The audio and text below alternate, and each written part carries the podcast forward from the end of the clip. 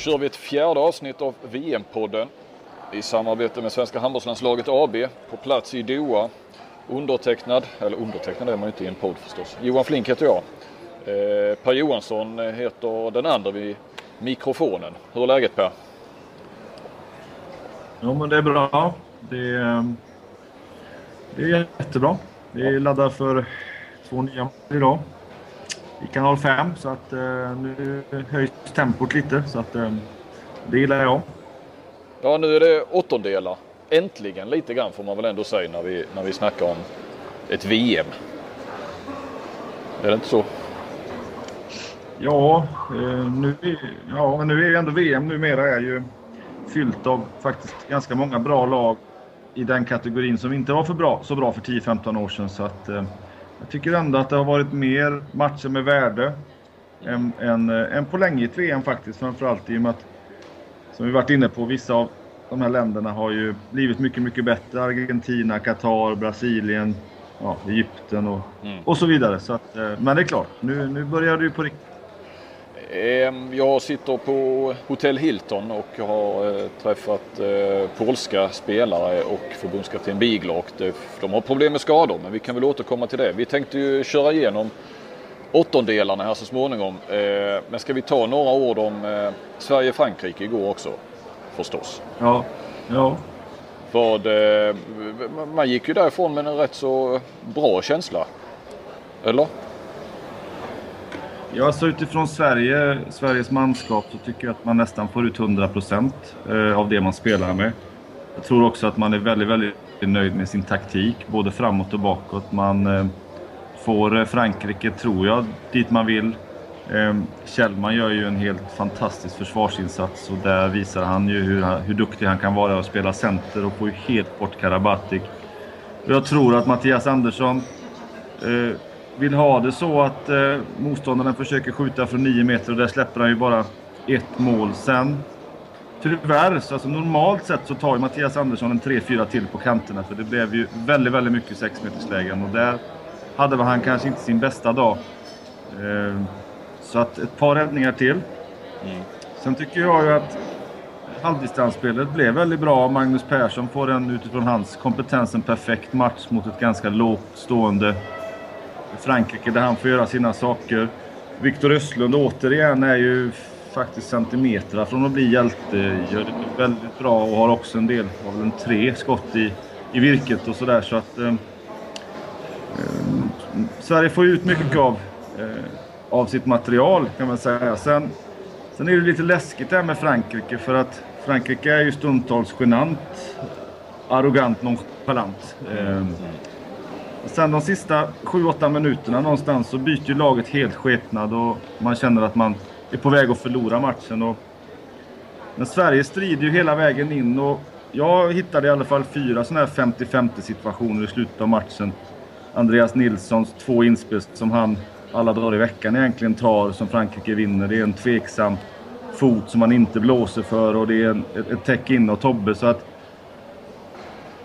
man förtjänar ju marginalen men det är ju typiskt att Frankrike har 4-0 i det skedet. Och det, det var ju väldigt, väldigt tydligt att det hade Sverige kanske tagit en av dem eller två av dem så hade man kunnat fixa ett oavgjort resultat. Men, eh, men vilken förmåga Frankrike har. Men jag tycker Sverige ska vara stolta över det de gjorde. Och som sagt, tre, fyra räddningar till på Mattias Andersson på det havet av kantlägen som blev så, så hade vi vunnit. Ja.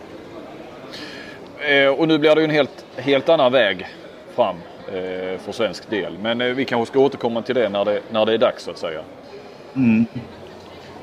Ska vi börja då i, i eh, vi tar väl i den ordningen de spelar helt enkelt här nu då, åttondelsfinalerna. Ja.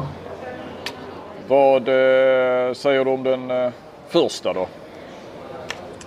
Ja, Österrike-Qatar då som är den första. Där har, där har ju båda lagen imponerat på mig. Österrike har varit bra rakt igenom turneringen även om man inte om man har en platsmatch och det var ju sista mot Makedonien. Men har ett bra lag idag eh, i alla delar.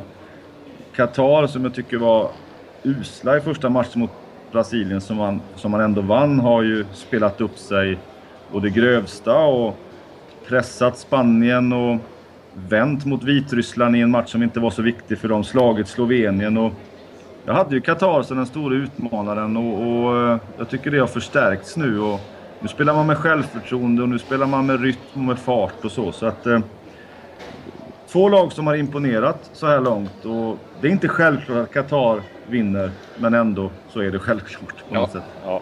Du tippar Qatar vidare. På tal om din tippning Per så eh, ja, du satte 15 och 16 vidare. Om jag inte räknar fel. I din ursprungliga. Ja. Eh, det var väl Argentina istället för Ryssland va? Ja, det var det och det var lite... eh, Det hade jag... Ja, känns det bittert? eller? ja lite faktiskt. Ja. Eh, Med tanke på eh, Argentinas otroligt fina insats och ändå att jag någonstans hade med mig det i den här turneringen. Sen så har de ju tagit det ytterligare ett steg. Men det får väl vara okej. Sen blir det ju som det blir att du kanske inte prickar alla placeringarna helt rätt och då, då, då faller ju så att säga lite grann det, det vidare tippningen om man går så långt tillbaka som Ja. inför VM. Det ska vi väl också säga. Så att, eh, Ja. nu, utgår vi från det vi har just nu. Eh, Mm. Österrike, Qatar, Qatar vidare. Ja. Eh, Sen har vi ju ett, ett Balkanderby, Slovenien, Makedonien.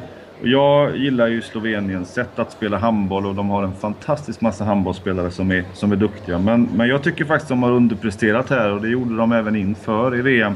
Jag tycker inte man får ut det av laget som, som, som jag hade trott man skulle få. Eh, Man spelar ju en, en otroligt eh, explosiv och snabb handboll och, och, eh, men har haft svårt att försvara sig. Och han har gjort en, en konstig hantering tycker jag, Sårman här. eh, Som, eh, han coachat på ett, på ett nyckfullt sätt. Så jag vet inte om han liksom har velat coacha på det sättet för att vara klara nu inför Makedonien. Och Makedonien är bredare och bättre än tidigare. De har ju nationaliserat Vugrinek som väl har sett sina bästa dagar men är, blir en bra hjälpgumma och man har fått tillbaks Mojsovski så att Makedonien har sett väldigt, väldigt bra ut. Eh, slog ju både Österrike och Tunisien stort. Eh, och spelade i alla fall en 45 minuter jämnt med Kroatien. Så att, på förhand helt jämnt egentligen, men kanske lite knapp favorit Makedonien. Och där säger jag Makedonien. Mm. Eh, det Lite, mig skräll. Ja. Mm, det bär mig emot lite, men... eh, Ja, Makedonien vidare Mm. i, i säkert en match som kan gå till förlängning. Ehm, och sen vidare. Det är du som sitter på ordningen Per. Det, det, det, det är därför jag bara säger så. Därför att jag, jag har slutspelsträdet men jag har inte riktigt matchtiderna framför mig. Nej, men det förstod jag redan. Ja. Jag förstod, ja, men jag förstod det. Men eh, Kroatien, Brasilien.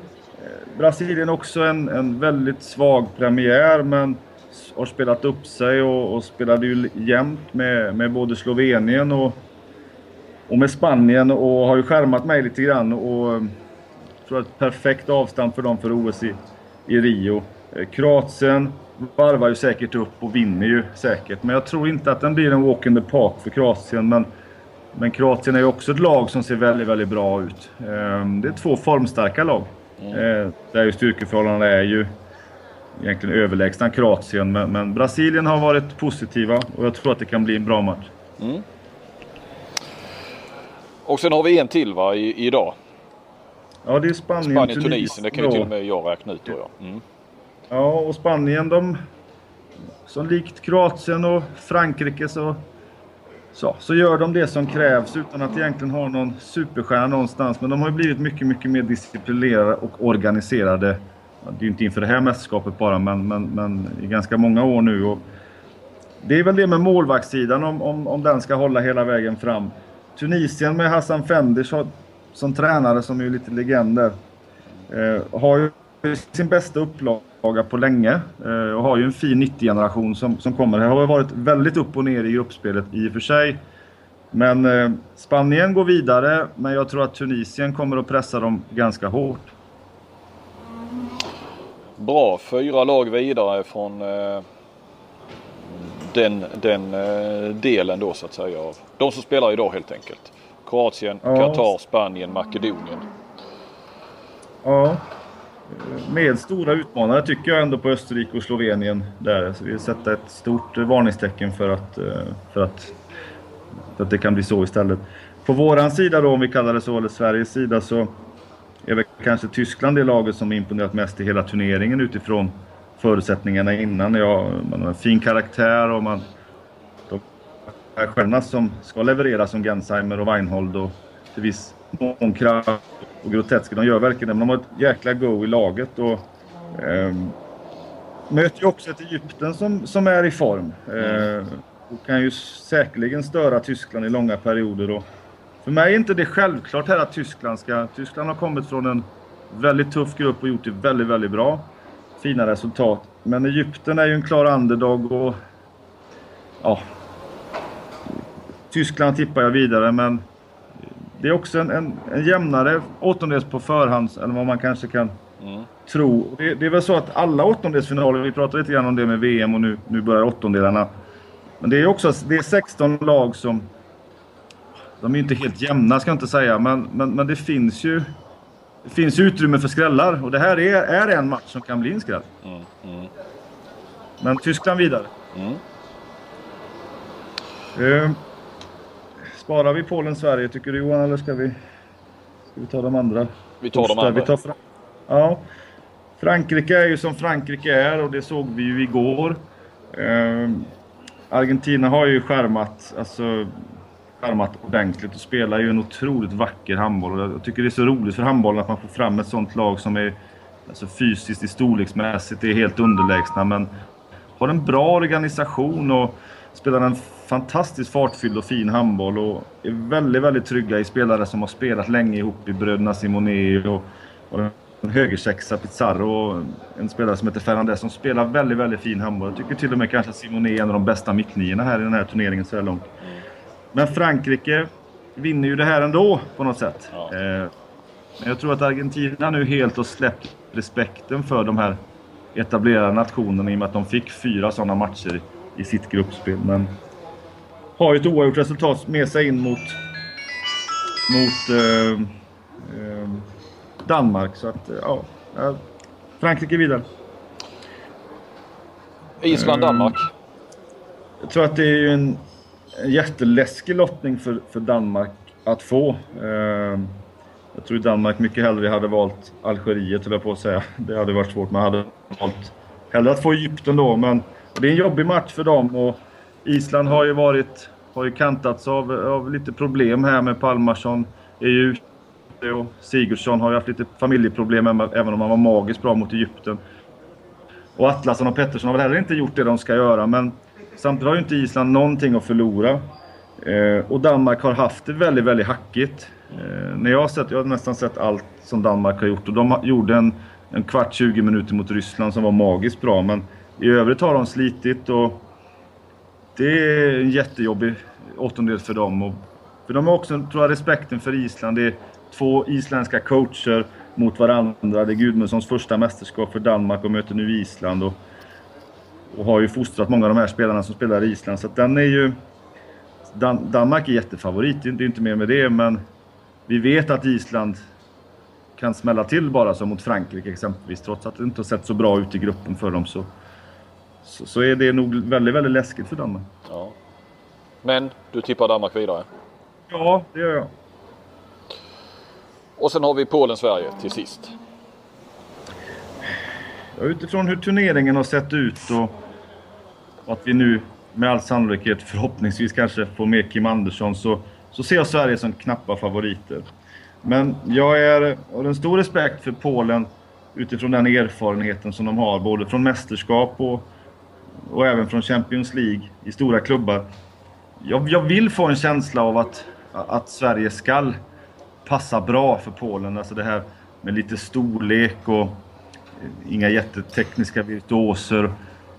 Där också Polen har ju lite problem i sitt lag. Så att eh, knapp favorit Sverige och eh, utifrån hur, taktis, utifrån hur Sverige har hanterat matcherna taktiskt mot sina motståndare så, så det är jag imponerad av. Och, och jag, det är en förutsättning att man får det mot Polen också. Men jag tror att man kan lägga en på förhand ganska klar och tydlig taktik mot, mot Polen. Ungefär som man gjorde mot, mot Frankrike. Jag tror att också man kan spela 5-1 med, med ett bra resultat mot Polen som, som ju inte heller har någon naturlig spelförare som kan så att säga luckra upp eh, ett 5-1-försvar. Så att jag är positiv. Sverige vidare. Ja, Eh, vi ska nämna där, de har lite skadeproblem. Jag har varit och, och träffat polackerna här. Eh, Och med stor eh, reservation för mina, mina uttal av de här namnen. Det, jag, är inte så van, jag är van att skriva dem, jag är inte så van att uttala dem får jag erkänna. Eh, men, men, vi har ju då till att börja med framförallt eh, Lievski, Krzysztof Lievski då, högernian. Som har knäproblem om jag har förstått det rätt. Sen var resten vristproblem, eh, eller ankel som de säger då. Men, men han har ju tydligen också varit och undersökts här nu på något sjukhus idag. Så att, ja, de kan ju inte säga så mycket om, om, eh, om de spelar. De vill inte säga någonting. Eh, men verkar ju, han gick ju av igår rätt tidigt med, med den här skadan och spelar inte mer eh, mot Danmark. Sen har vi en högersexa, Ortjovski, nummer sju kan jag ju säga då. Men det är väl en, inte någon av de viktigare spelarna va? Eller hur Per? Nej, det är det inte. Ortjovski spelar ingen roll. Däremot så, så är ju Lievski har de ju ingen ersättare i närheten av honom. Och eh, det sägs ju också att det finns lite gnissel mellan Hall och Bigler att det är någonting som inte stämmer där man har sett lite på kroppsspråk och så. Men om vi bortser från det då så vill ju alla till en kvartsfinal så det spelar ingen roll kanske. Så, så är det ett tapp för dem. Eh, den tredje är ju då Sra... Vad ska du uttala? Eh, Shrav... Shrapkovski. Eh, ja. Vänsternian ja. Eh, eh, li, lite yngre än, än det här andra gamla gardet. Väl då på 9 meter. Ja, det är han ju. Och eh, om vi pratar exempelvis om den polacken som kanske våra lyssnare vet mest om, Karol Beletsi, så har ju inte han spelat speciellt mycket. utan Men Polens stora problem är ju att man har ingen... Det man pratar mycket om i polsk media och man pratar med polska journalister här, det är ju att, att man har ingen naturlig spelförare. Man har ju Jaska skadad och inte med här och det blir en... Det blir också då en, en, en kompromiss, så att säga. När man även då har lite tveksamheter kring en spelare som heter Jurkevski som skulle kunna vara den. Ja, det är också de... vristskada säger de här idag ja. ja. ja. De har liksom ingen naturlig spelförare och får man då bort Lievski som, som är lite mer av en player och kan hålla i bollen lite så, så är det liksom bara tyngd kvar på något sätt med, med bröderna Jurecki och, mm. och Belecki och så vidare. Så att eh, Polens problematik är ju kanske till och med större än vad Sverige ser, även om vi pratar om att vi har en tveksamhet på vår största stjärna så, så har Polen också problem att få ihop det och kommer att tvingas kompromissa med den här uppställningen. Om vi då tittar på kvartsfinalerna eh, så eh, uppifrån då någon sorts slutspelsträd så är det alltså eh, Kroatien-Sverige. Qatar-Tyskland, Danmark-Spanien, Makedonien-Frankrike känslan är ju att den, den, den nedre halvan av det här slutspelsträdet med, med, Danmark, Spanien, Frankrike, Makedonien, Slovenien är ju där då också i en åttondel. Eh, är ju på pappret bra mycket tuffare kanske än den halvan Sverige är på. Eh, jag tänker ändå att, att Tyskland har ju då fram till en semifinal att, att eh, slå ut Egypten och, och sen då kanske Qatar eller Österrike. Mm som sagt med all respekt för alla lag och att det blir tätare och att VM är, eh, det handlar inte bara om europeiska lag och sådär. Så, så är det ändå på pappret rätt stor skillnad på, på, på vägarna fram här mot semifinal och final. Eller hur? Ja, men det är det ju. Men det, är, det, finns ju en enda anledning till det. Det är ju att Danmark ja. inte gjorde det förväntade jobbet. Och vi har pratat mycket om de här fyra stora. Nu blir det ju inte de fyra stora i semifinal och det kan väl vara lite, eh, lite positivt för, för världshandbollen också. Och det är ju till och med så om, om vi tänker att Sverige och Frankrike hade bytt plats. För visst är det så att Qatar, Tyskland, Makedonien, Frankrike är på samma sida? Nej. Eh, Kroatien, ja.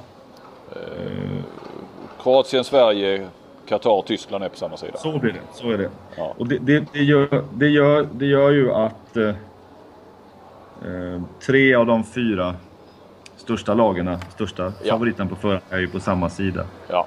Det är ju på grund av att Danmark inte vann gruppen. Nej, exakt. exakt. Ganska många är nog glada för det. Qatar och Tyskland är nog två lag som är, är glada för det också såklart. Ja, det är det jag menar. Alltså den, den fjärdedelen av eh, slutspelsträdet så att säga med, med Österrike, Qatar, Tyskland och Egypten. Den är ju ja. den är inte riktigt i paritet eh, med, med de andra. Det, det, är det, det är väl det som är lite spännande med att man lägger ju en, en, en spelordning och en, och en, ranking så att såklart att man ska få de fyra gruppstegarna som man, mm. som man tror då på förhand. Nu, nu, får man inte det och då, då ställs ju allt på ända. Men det är ju, det är ju sportsligt så har det ju spelat sig till de förutsättningarna. Så det, det känns ju ändå fair i någon ända ändå. Ska vi bara på, för skojs skull, alltså vilka tror du, känner du nu så här långt in i turneringen? Vilka spelar final till slut? Det tipset kan jag ju fortfarande ha kvar då med tanke på att jag har Frankrike och Kroatien i, ja. i final och eh, det finns ju ingen anledning att, att, att, att rubba på det nu. Det skulle jag väl inte kunna gjort även om jag ville rubba på det. Men jag, jag står ju fast vid att Kroatien och Frankrike är de två bästa lagen i turneringen och de kan ju då fortfarande mötas i en final. Ja. Är Kroatien det laget som imponerat mest? Det känns ju då, den av de fyra stora som har, okej okay, Spanien har väl också gått obesegrade så men... men eh, eh. man, kan väl, man kan väl se på olika sätt på de här fyra. Alltså Frankrike är ju som de är och det såg vi igår och är medaljtyngda och vet exakt när och var och hur och så. Eh, Kroatien och Spanien har ju mer gjort jobbet. Eh, alltså ungefär som det ska se ut. Eh, och Spanien är ju då, eller Danmark är ju de som har så att säga hackat. Men Kroatien är ju det, är det laget som har mest semifinaler de senaste tio åren och, och det är många fjärdeplatser och det är många brons men, mm. men eh, jag tycker framförallt att man har fått fram Filip Ivic eh, som komplement till Alilovic som ju har varit väldigt, väldigt ensam kan man säga i kroatiska landslaget i målet. Och där får man, jag tycker man har ett bättre målvaktspar än på länge. Mm. Sen i övrigt så skiljer det inte så jättemycket men det finns mycket, många variabler i Kroatien. Det finns många, många sätt att förändra matchbilderna och, och, och, och ändra på, på skeenden och så vidare. Så att, eh, nej, Kroatien, Frankrike är, står fast i det. Härligt Per. Mm. Ehm, då tänkte jag att vi skulle ta och runda av eh, och så får vi hoppas att vi gör, får göra en podd till i varje fall. Så att, eh, det, ja. Förutsättningen är väl att, att uh, Sverige tar sig vidare. Vi kör ju så länge Sverige är kvar och Sverige, på Sveriges vilodagar. Ja, vi hoppas väl att få göra tre bloggar till. Eh, bloggar ska vi inte göra, men, men i alla fall. Ja då, ja, absolut. Det, det, hoppas vi på. Men ja. eh, först, första hand nu då så, så, så tittar vi fram och så hoppas vi höras på eh, tisdag igen.